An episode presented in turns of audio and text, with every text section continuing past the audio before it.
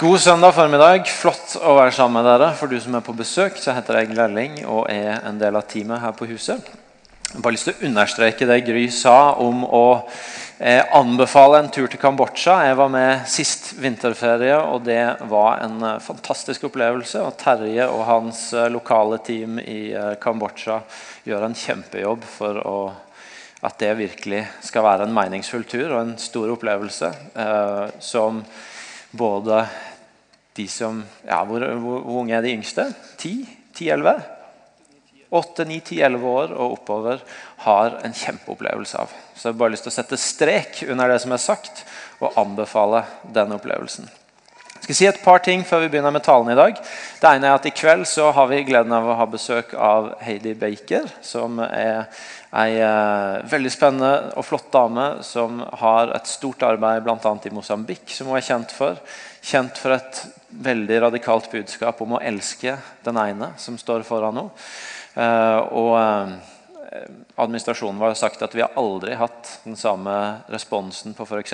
Facebook-event. og sånne ting, Så det blir masse folk, så det er bare å komme tidlig og sikre seg god plass. Eh, vi har også fått inn et par av bøkene hennes i bokkiosken vår. Den er åpen etter gudstjenesten nå òg. Så hvis du vil forberede deg, så kan du kjøpe og dra hjem og lese og så komme på gudstjeneste klokka seks. Jeg har bare lyst til å si Vi har fått inn igjen 'Bygd din fortid' av en god venn som heter Øystein Gjerme. Som er en kjempebok, egentlig for alle, men særlig for unge mennesker fra 15 til ja, trenger ikke sette noe øvre grense. Eh, eh, om å bygge et godt fundament i livet. Så jeg har bare lyst til å anbefale den òg. Kåre har bokutsalget åpent etterpå. Um, så er det også sånn at uh, Sist søndag var det Visjonssøndag, og vi delte noe om hva vi tror ligger foran oss som menighet de, og bevegelse for de neste tre åra. Uh, det var også startskuddet på høstens fastgiveraksjon, hvor vi inviterer og utfordrer hverandre til å være med på å ikke bare la oss begeistre av det gode som skjer, men å investere inn i fortsettelsen av det Gud gjør, og den historien han skriver ut fra vår menighet, og, det vi får være med på.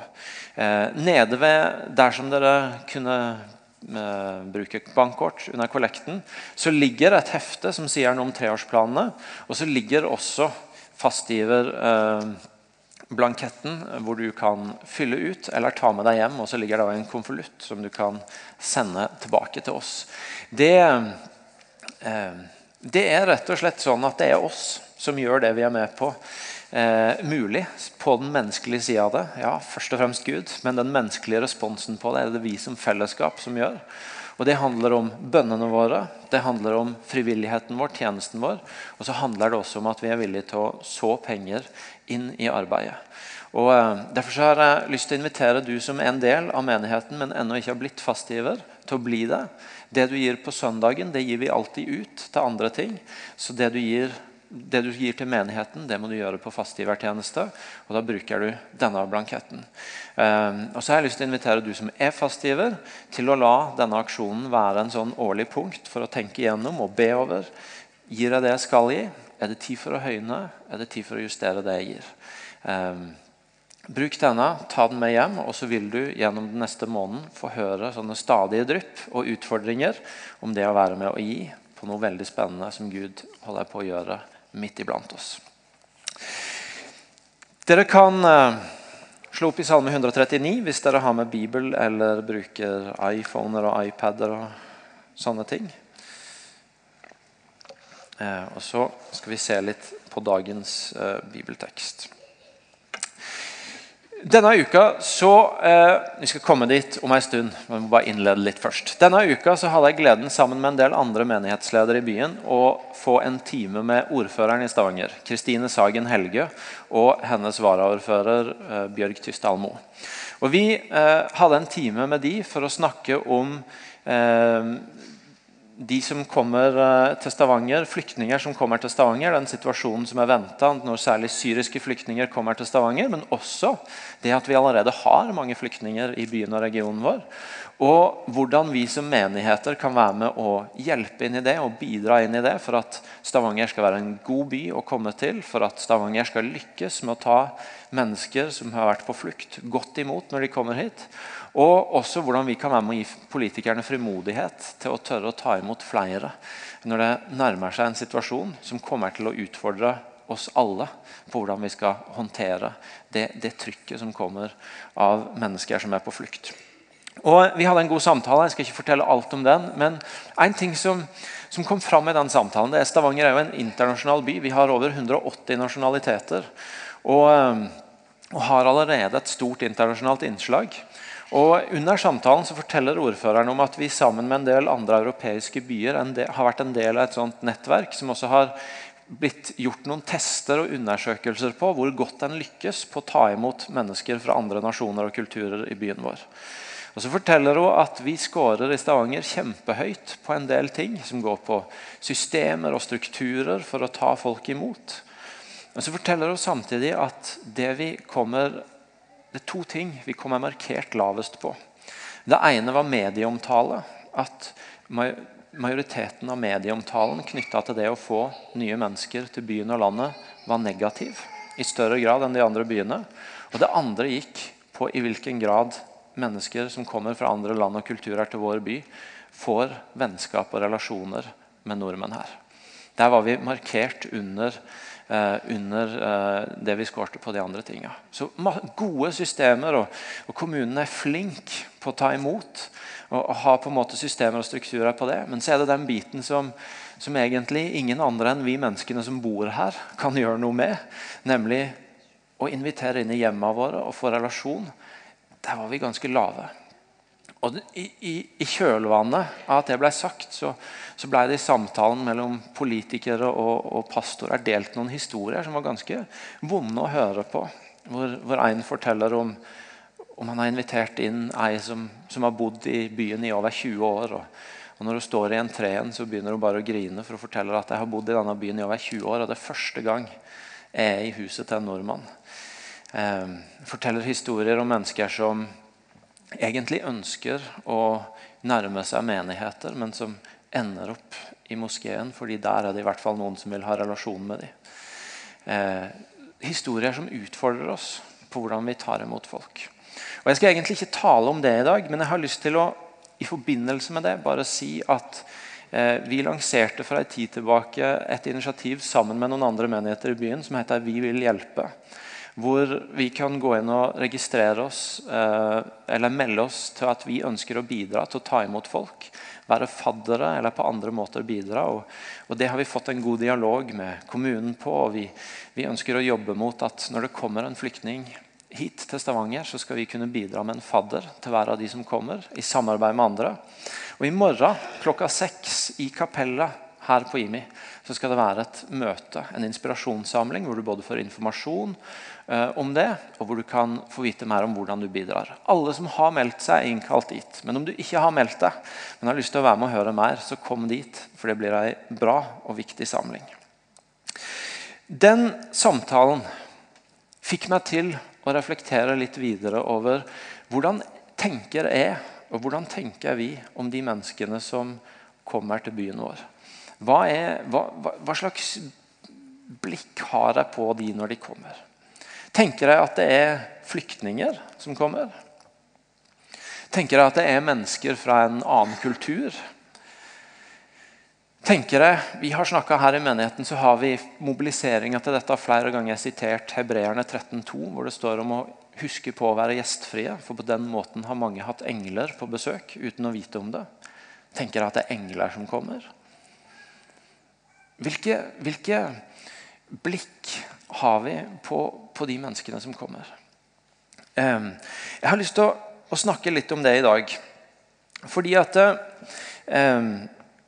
vi mennesker har vi har ganske lett for å plassere hverandre i noen kategorier og noen overskrifter. Vi har ganske lett for å være ganske sånn endimensjonale i hvordan vi ser på hverandre. Ganske lett for å ta én eller to sånne tagger og så hekter vi de på, og så tenker vi at vi har plassert hverandre. Flyktning, direktør, arbeidsledig, hjemmeværende. barn, ung, gammel, student, syk, sliten, rusmisbruker. Mange forskjellige positive eller negative merkelapper som vi har lett for å henge på hverandre, og som vi på en måte plasserer hverandre litt i. Hjemme så har jeg en treåring som heter Frida. og eh, hun, hun ei lita, lyshåra, søt, av og til litt smårampete snelle, som i god konkurranse med Hildegunn og Elias selvfølgelig for meg er det nydeligste som fins. Og Noen ganger så får jeg bare behov for å eller ganske ofte egentlig, sikkert nesten hver dag, så får jeg behov for å løfte henne opp og holde henne tett inntil meg og klemme litt på og kose på henne fordi jeg er sjarmert av henne. Og Noen ganger så tar hun imot den kosen og legger seg inntil og tar imot. Men andre ganger så er det liksom bare så vidt jeg rukker å få opp, så kjenner du hun begynner å kreke og knele og prøve å komme seg ut av grepet. Og 'Ikke pappa, ikke pappa, slipp, slipp'. Og så er det nesten som om hun på sitt sånn treårige vis får den der opplevelsen av at jeg har bare lyst til å holde henne der som den lille, søte prinsessa mi som jeg kan kose på. Og så, og så får hun behov for å si at 'dette blir trangt, pappa. Slipp meg løs. Jeg må ha mer plass'. Og noen ganger så gjør vi sånn med hverandre, vi mennesker. ikke sant? At vi plasserer hverandre i bokser og ser på hverandre på måter som gjør at vi kjenner at dette blir trangt. Jeg, jeg, jeg, får ikke helt plass her. Det er ikke helt denne jeg vil være. Det er ikke helt sånn jeg vil at du skal se meg. Det er ikke sånn jeg vil at du skal snakke til meg eller om meg eller behandle meg. Mange av oss har opplevd det når vi har kommet hjem til familiene våre. og vi har på en måte Etter at vi har levd for oss sjøl og vært voksne noen år, og så, og så kommer vi med familiesettingen igjen. og så er det, er det, akkurat som vi blir satt i de samme gamle rollene. og tenker jeg søren nå, jeg vil at du skal se meg sånn som jeg er nå. Eh, jeg vil ikke være i den gamle båsen. Eh, og eh, ja, mange andre sånne eksempler kunne vært gitt på at, på at vi gjerne havner i sånne situasjoner hvor vi, hvor vi, gjør det trangt for hverandre. Og noen ganger hvor vi gjør det trangt for oss sjøl fordi vi ser på oss sjøl på noen bestemte måter. Og Det jeg har lyst til å se litt på i dag, i de neste minuttene, det er at Gud har et utrolig mye større bilde av oss enn det ofte vi sjøl og andre har. At han ser oss i mye større og bredere dimensjoner enn det vi mennesker ofte gjør på oss sjøl og på hverandre. Et av de perspektivene som kommer fram i Bibelen, og som, eh, og som, du kan lese om flere steder, men jeg skal nevne to i dag, det er hvordan det kommer fram at Gud han har sett oss helt fra før vi ble født, og har et blikk på oss for hele livet vårt.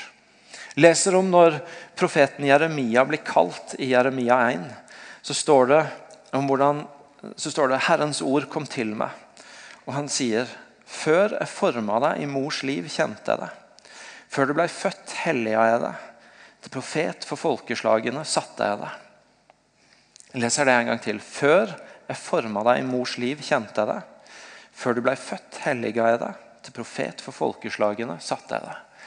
Et perspektiv av at til og med før Jeremia var blitt forma i mors liv, så hadde Gud et blikk på hvem han var. Og så hadde han et blikk som strakte seg mye lenger enn til at han skulle bli født og bli til, men hvem han skulle være, hva han var kalt til, hvilken rolle han skulle spille. Og Så ser vi hvordan Paulus har noe av det samme perspektivet når han skriver til Galaterne i kapittel, Galaterne kapittel 1. Så skriver han Men Gud, som utvalgte meg allerede i mors liv og kalte meg ved sin nåde, beslutta i sin godhet og åpenbare sin sønn for meg, for at jeg skulle forkynne evangeliet om han for folkeslagene. Gud utvalgte meg allerede i mors liv. Før jeg ble født, så hadde Gud en tanke om hvem jeg var og hva jeg skulle gjøre. Og Så kalte han meg ved sin nåde. og så, når han så, Selv om han så at jeg var på en helt annen vei, for Paulus var en forfølger, så lar han han få møte Jesus, sånn at han kan komme inn på den veien som han hadde tenkt for han til og med før han ble født. På den ene sida i Bibelen et, et blikk Gud har på oss mennesker av at helt fra før vi ble født, så hadde han en tanke om hvem vi er. Og hva, han ville at vi skulle være, og, eh, og, hvilke tanker han hadde for livet vårt. En sånn lang linje, et stort perspektiv på hvordan han ser oss. Og Samtidig så møter vi i Bibelen at han ikke bare svever over vannene og ser de lange linjene. og tenke på på hvem du skulle være der, og hva du skal bli der. Men vi møter også dette blikket at underveis så går han nær og ser oss. Og Da er vi ved Salme 139, som jeg ba dere slå opp i. For meg så har det vært en sånn personlig salme som har betydd veldig mye for meg. Særlig i åra fra 20 til 35, når jeg skulle eh, stå på egne bein etter hvert. Flytte ut fra mor og far og finne min egen plass. Og Noen ganger syntes jeg at det var skummelt og ensomt. Så var dette et av de stedene jeg visste her står jeg støtt. Her vet jeg at jeg ikke er alene. Her vet jeg at det er et større bilde enn det jeg kanskje føler akkurat nå. Og I Salme 139 så står det Herre, du ransaker meg, og du vet. Du vet om jeg sitter eller står. På lang avstand kjenner du mine tanker. Om jeg går eller ligger, så ser du det. Du kjenner alle mine veier. Før jeg har et ord på tunga, Herre, så kjenner du det fullt ut. Bakfra og forfra omgir du meg, du har lagt din hånd på meg. Det er et under jeg ikke forstår, det er så høyt at jeg ikke kan fatte det. Første delen av Salme 139 som handler om at Gud ser alt. Om hva vi tenker, om hva vi sier, om hvor vi beveger oss. Om vi ligger eller står. Før vi har tenkt det, så vet han det. Før vi har sagt det, så vet han det. Om vi ligger eller står og hvor vi går. Han vet det. Og Så fortsetter han med å si, hvor skulle jeg gå fra din pust? Hvor kunne jeg flykte fra ditt ansikt? Stiger jeg opp til himmelen, er du der. Legger jeg meg i dødsriket, så er du der. Tar jeg soloppgangens vinger og slår meg ned der havet ender, da fører din hånd meg også der. Din høyre hånd holder meg fast. Jeg kan si, la mørket skjule meg og lyset omkring meg bli natt. Men mørket er ikke mørkt for deg. Natta er lys som dagen. Mørket er som lyset. Denne her erkjennelsen av at uansett hvor jeg beveger meg, så kan jeg ikke bevege meg utafor Guds virkelighet. Går jeg til himmelen, så er han der. Til dødsriket, så er han der. Og til og med om jeg prøver å gjemme meg i mørket, så finnes det ikke noe som er mørkt for Gud, for han er lys kan ikke bevege meg utafor. Han, han, vet alt. Og jeg kan ikke forflytte meg til et sted hvor han ikke lenger ser meg, sånn at han ikke vet. Og Så sier han videre.: For du har skapt mine nyrer, du har vevd meg i mors liv. Jeg takker deg for at jeg er så underfullt laga. Tenk det. bare kunne ha, på en måte ha, Han snakka om selvbildet i stad. Kunne se seg sjøl sånn at du kan si opp til Gud igjen fordi du, du vet hvordan han ser på deg, og så kunne si takk for at du har laga meg så underfullt. Underfulle er dine verk, det vet jeg godt. Knoklene mine var ikke skjult for deg da jeg blei laga på hemmelig vis og vevd dypt i jorda. Dine øyne så meg da jeg var et foster. Alle dager er skrevet opp i din bok. De fikk form før en av de var kommet. Dine tanker, Gud, er dyrebare for meg. Summen av de er ufattelig. Teller jeg de, er de talløse som sand. Blir jeg ferdig, er jeg ennå hos deg. Fantastisk bilde av en Gud som vet og kjenner oss. Som vi aldri kan bevege oss helt vekk fra. Og som vi faktisk kan takke for at han hadde en tanke med hver minste ting ved oss. Underfullt har han skapt oss. Og Det er litt et bakteppe å ha når du hører Jesus si i slutten av evangelien at se med dere alle dager inntil verdens ende. Det er ikke bare oppdragsgiveren som sier at jeg skal sørge for backing når du løser oppdraget mitt. Men det er også skaperen som, som sier at jeg som har skapt deg og vet alt om deg, er alltid med deg.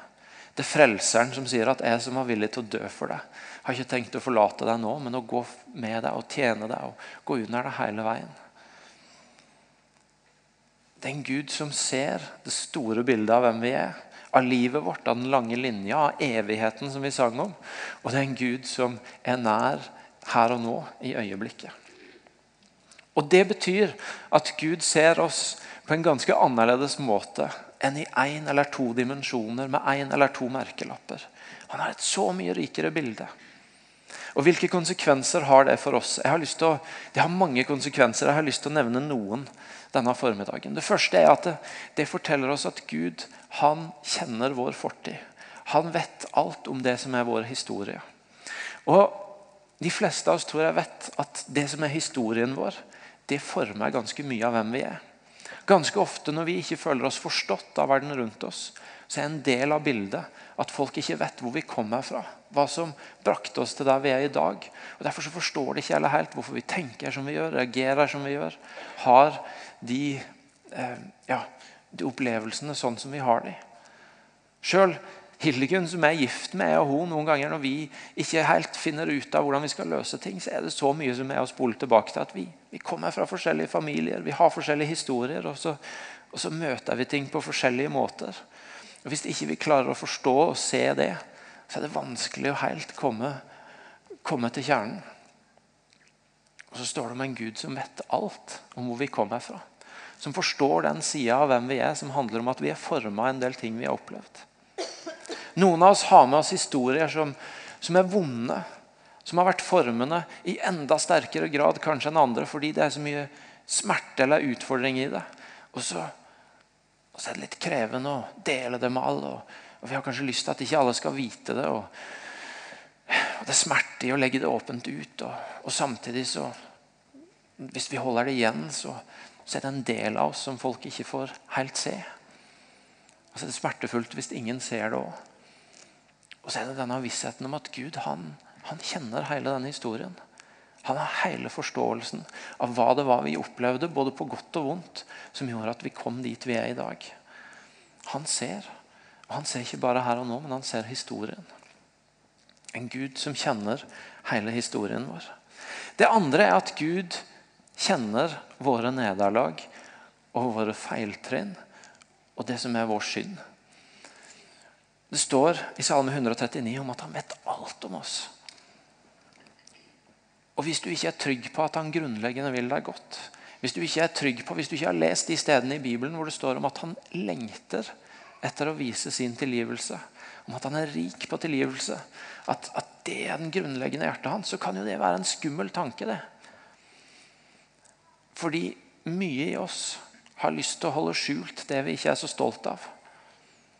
Men så lærer vi i denne boka her at friheten ligger nettopp i at det ikke er skjult, men at det får komme ut i det åpne, og at, og at det mister kraften sin over oss, og at vi blir frie. Og Det betyr at i møte med Gud så er det ingen vits i å prøve å holde maska og prøve å holde ting skjult og prøve å, å, å, å lure ting bak der, fordi han veit. Og så skal ikke det være en skummel ting for oss, men det skal være en trygghetsting for oss at vet du noe med Gud så er, det, så er det ikke noe vits i å prøve på maskespill engang. Men la oss bare si det som det er til han. Fordi han vet, og han er rik på tilgivelse. Og han vil ta oss til det punktet hvor det er frihet. En, en, en liten sånn pastors bekjennelse. For å se litt av en, en sånn ja, En ting som ikke jeg var kjempestolt av uh, uka som gikk. Sist søndag var det jo visjonssøndag her. og Jeg var litt, sånn, litt stressa på noen ting. Og, uh, og, eh, skulle komme hit litt tidlig for å ordne noe til G18 og justere litt etter G11. og Hildegunn hadde bilen, så jeg skulle ta bussen. og sto nede i byen og venta. Så kom jeg bussen først. Så kommer den liksom rusende forbi. Eh, så det er akkurat så vidt hele Han liksom står omtrent på bremsa, så får han akkurat stoppa og tatt meg på. Til tross for at jeg omtrent har stått ute i veien og vinka. Så jeg tenkte hm, han følger ikke helt med. Uh, og Så kommer vi opp til Kjensvollkrysset her, og jeg har ringt på stopp i god tid. Og han bare raser forbi. og jeg kjenner bare pulsen stige, og jeg har det litt travelt. og Jeg skal av, og jeg liksom roper 'hei!' og, og, han liksom og løper fram, og han liksom oh, I, forgot it. Og, uh, og jeg er jo en sindig mann som veldig sjelden liksom uh, viser så mye irritasjon. men men da liksom bare kom det ut av meg. 'Du følger jo ikke med, jo! Du holdt på å kjøre forbi meg i stad, og nå stopper du ikke.' og Han, han snakka jo ikke norsk, så han skjønte ikke hva jeg sa. Men ifølge min kone så er kroppsspråket mitt tydelig når jeg er irritert. Så, så han skjønte nok at jeg var irritert. Og, og så stoppa han på neste stopp eh, og satte meg av, og jeg gikk ut. og eh, visste jo og, tenkte på en måte på at Øy, søren. Det er jo alle kan gjøre feil. Det er jo ikke egentlig det er ikke det jeg står her på talerstolen i og preiker at hvordan vi skal møte folk når de gjør en feil. der. Det er jo anerkjennelse og godhet og tilgivelse. og ikke 'Søren, du følger jo ikke med!' Og, og jeg vet, Det er ikke, ikke kjempealvorlig. Det ikke, det ikke Skaper ingen overskrifter at pastoren gjorde det. Men, men jeg kjente umiddelbart at eh, det var ikke sånn jeg hadde lyst til å møte en som gjorde en feil. Men det som var interessant, og grunnen til at jeg forteller det, er at før jeg rakk å tenke å, jeg skulle ønske jeg heller hadde smilt til han, eller sagt 'ha en god dag', eller Så det første jeg tenkte, det var 'håper ingen så meg'. håper ingen så meg. Og vet du noe? Det ligger så ofte så dypt i oss at vi tenker når vi gjør noe dumt, så tenker vi å, håper ikke noen får det med seg. Håper ikke noen så det. Og Så forteller denne teksten her noe om en Gud som, som ser alt. Og så er jo greia det at Selv om vi har et instinkt på at å, håper jeg kan gjemme det litt unna, så er det ikke der frihet er. Frihet er ikke at vi klarte å, å få noen til å ikke se det. Men frihet er at feiltrinnene våre, små og store ting, er åpent. At vi kan få bekjenne dem. Og så sier Guds ord at når vi bekjenner våre synder, så er Han trofast og rettferdig. Så Han tilgir oss syndene og renser oss for all urett. Så er vi frie. Det er faktisk det vi kan vite om en Gud. At han, han ser de tinga vi prøver å ha i kroken òg. Og det er til frihet for oss. Tredje tingen her er at Gud ser et større bilde av det som er nå-situasjonen vår. Gud ser mer av hva livet vårt her og nå er, enn det andre rundt oss ser, og ofte enn det vi sjøl ser. Et av perspektivene i Bibelen det handler om at vi er forvaltere av det vi er gitt. Av ressurser, av evner og egenskaper. Og så er Et annet bilde dette med at vi, vi får være med å så ut ting. At Med livet vårt så så vi ting. Med ordene våre, med handlingene våre. Med hvordan vi, vi, vi bruker livet vårt og hverdagen vår. Og jeg tror ganske mange av oss ganske ofte går med en sånn opplevelse at vi gjør det vi står opp og gjør det vi skal gjøre, og går videre. og og har et ganske hverdagslig blikk ofte på, på, betydningen av det vi gjør. Men så er saken den at når jeg og du lever vår hverdag og sår ute med ordene våre, med, med, handlingene våre, med tjenestene våre, med mulighetene vi blir gitt i små og store ting, så er det også et større perspektiv av at vi ofte får være med og så noe som vi ikke ser en frukt av der og da, men som det er et mye større bilde av. Paulus skriver i 1. Korinterbrev om hvordan han sådde og Apollos vanna. Eller var det omvendt? Det ble jeg litt i tvil om nå. Men sammen så sådde og vanna det i hvert fall. Men Gud ga vekst. um, og, og, det er noe med det der at Gud han ser mye større av hva jeg og du sår. Dette har jeg lært noe av av min gamle far. Det er mulig jeg har nevnt det her før. men men pappa er 80 år nå. Det er 15 år siden han ble pensjonist. og Det er lett i hverdagen når jeg, de gangene jeg treffer han, å på en måte først se pappa som den han er her og nå. Og på en måte det som er livet hans her og nå. Og så har jeg noen ganger opplevd, for Pappa var i mange år folkehøyskolelærer. og så har jeg mange, noen ganger fått opplevd når jeg, han har sittet på kafé nå etter at han ble pensjonist, at, at, det kommer folk jeg ikke vet hvem er, bort til han, og så, og så begynner de bare å snakke om hvordan det han sa den gangen, i det skoleåret, er noe som betyr en forskjell i livet de sitt fortsatt mange år etterpå. Forteller om hvordan de nå tror på Jesus pga. noe han gjorde for mange år siden. Og Det har for meg bare vært en sånn kjempeøyeåpner på hvordan vi sår. Hverdagen vår så gir vi ut med livet vårt, og så har vi ofte ikke hele perspektivet av hva det betyr. av hva det blir ut av det. Vi tenker ofte små, smått om det. Gud ser et mye større bilde av rekkevidden av det vi sår. Når jeg var 20 år, så 20-21 år, så var jeg et par somre noen uker ungdomsarbeider på Justøy bibelcamping.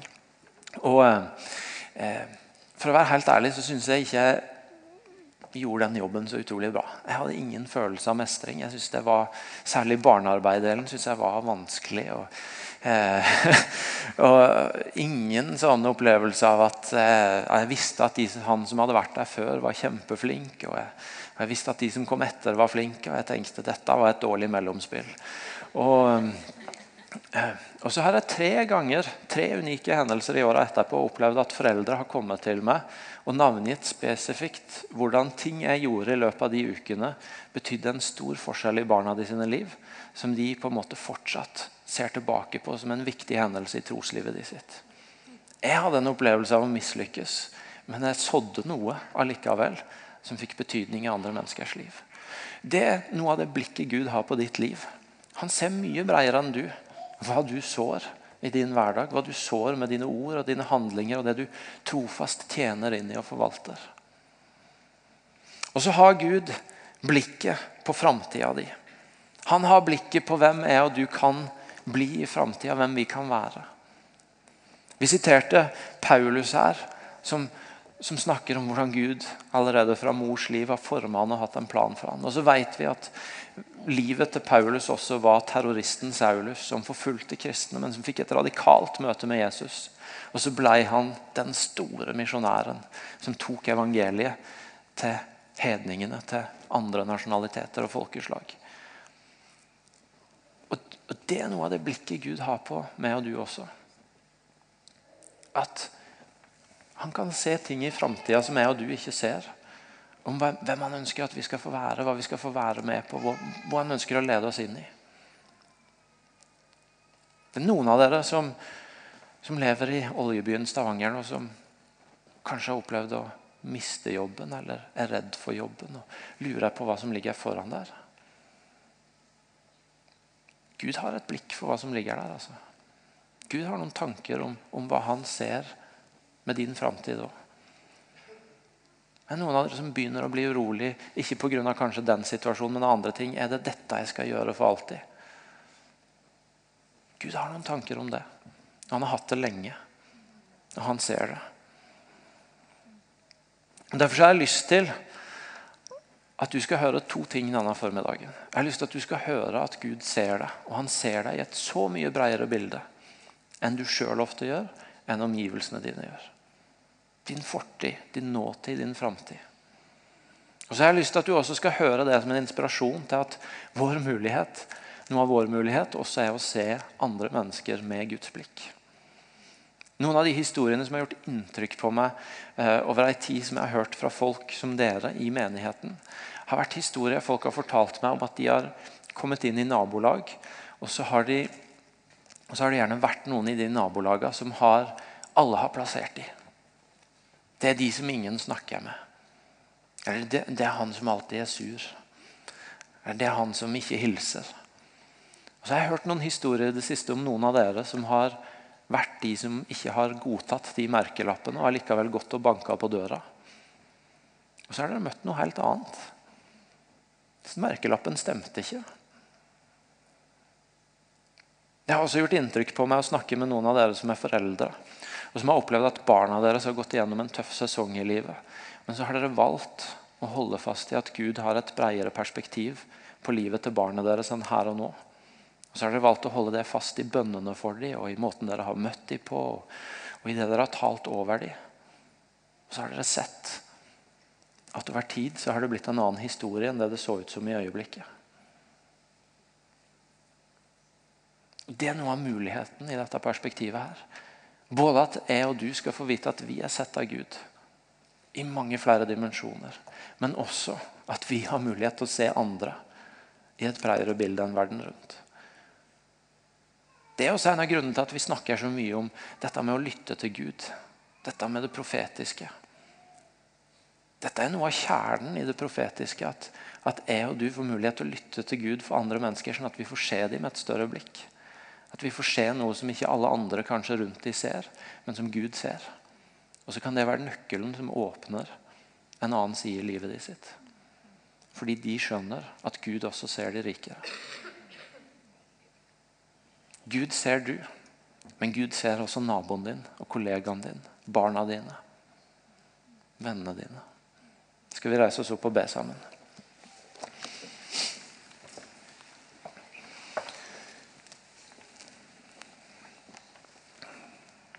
Jeg har lyst til at Vi skal begynne med det siste, om hvordan Gud ser noen mennesker rundt deg. og Så skal vi, skal vi gå tilbake til det første igjen eh, om et lite øyeblikk.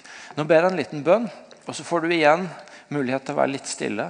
Og så, og så kanskje har du en sønn eller en datter, en kollega, en nabo, familiemedlem, en venn, som du skal ta et lite minutt eller to til å bare lytte til Gud for denne formiddagen. Fordi denne, det, det vi snakker om nå, minner deg om at kanskje Gud har et annet blikk enn den båsen han eller hun er passert i. Jesus, Takk for at ditt løfte er at du er med oss alle dager. Pappa Gud, takk for at du har så flerdimensjonalt stort blikk på hvem vi er, og menneskene rundt oss er. Akkurat nå så, så har jeg lyst til å at, at, vi bare skal få lov til å stoppe opp foran deg for, for mennesker vi har rundt oss som er blitt, blitt plassert i en bås.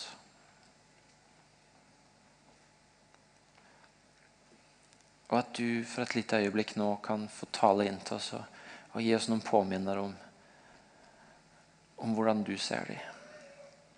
Om en nøkkel du har til, til å åpne et større bilde av hvem disse er. Du som kjenner historien om hvorfor de har kommet dit de er nå.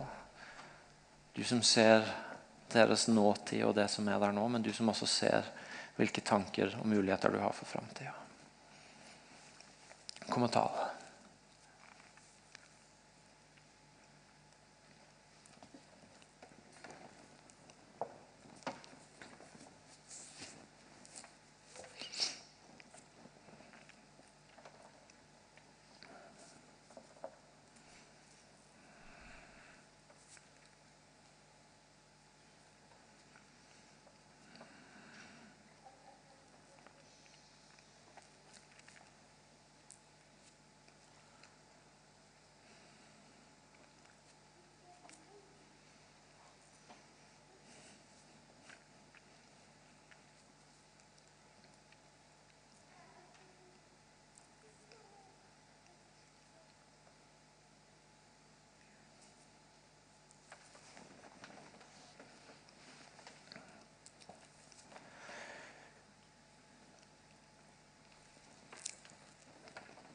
Vi har noen minutter nå før barna må hentes. Det har jeg lyst til at vi skal bruke også til å be for hverandre.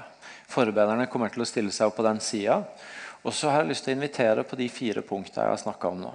Jeg har lyst til å invitere du som kjenner at det er ting i historien din som du kaver med aleine, og som Det betyr noe å høre at vet du noe, Gud kjenner den historien.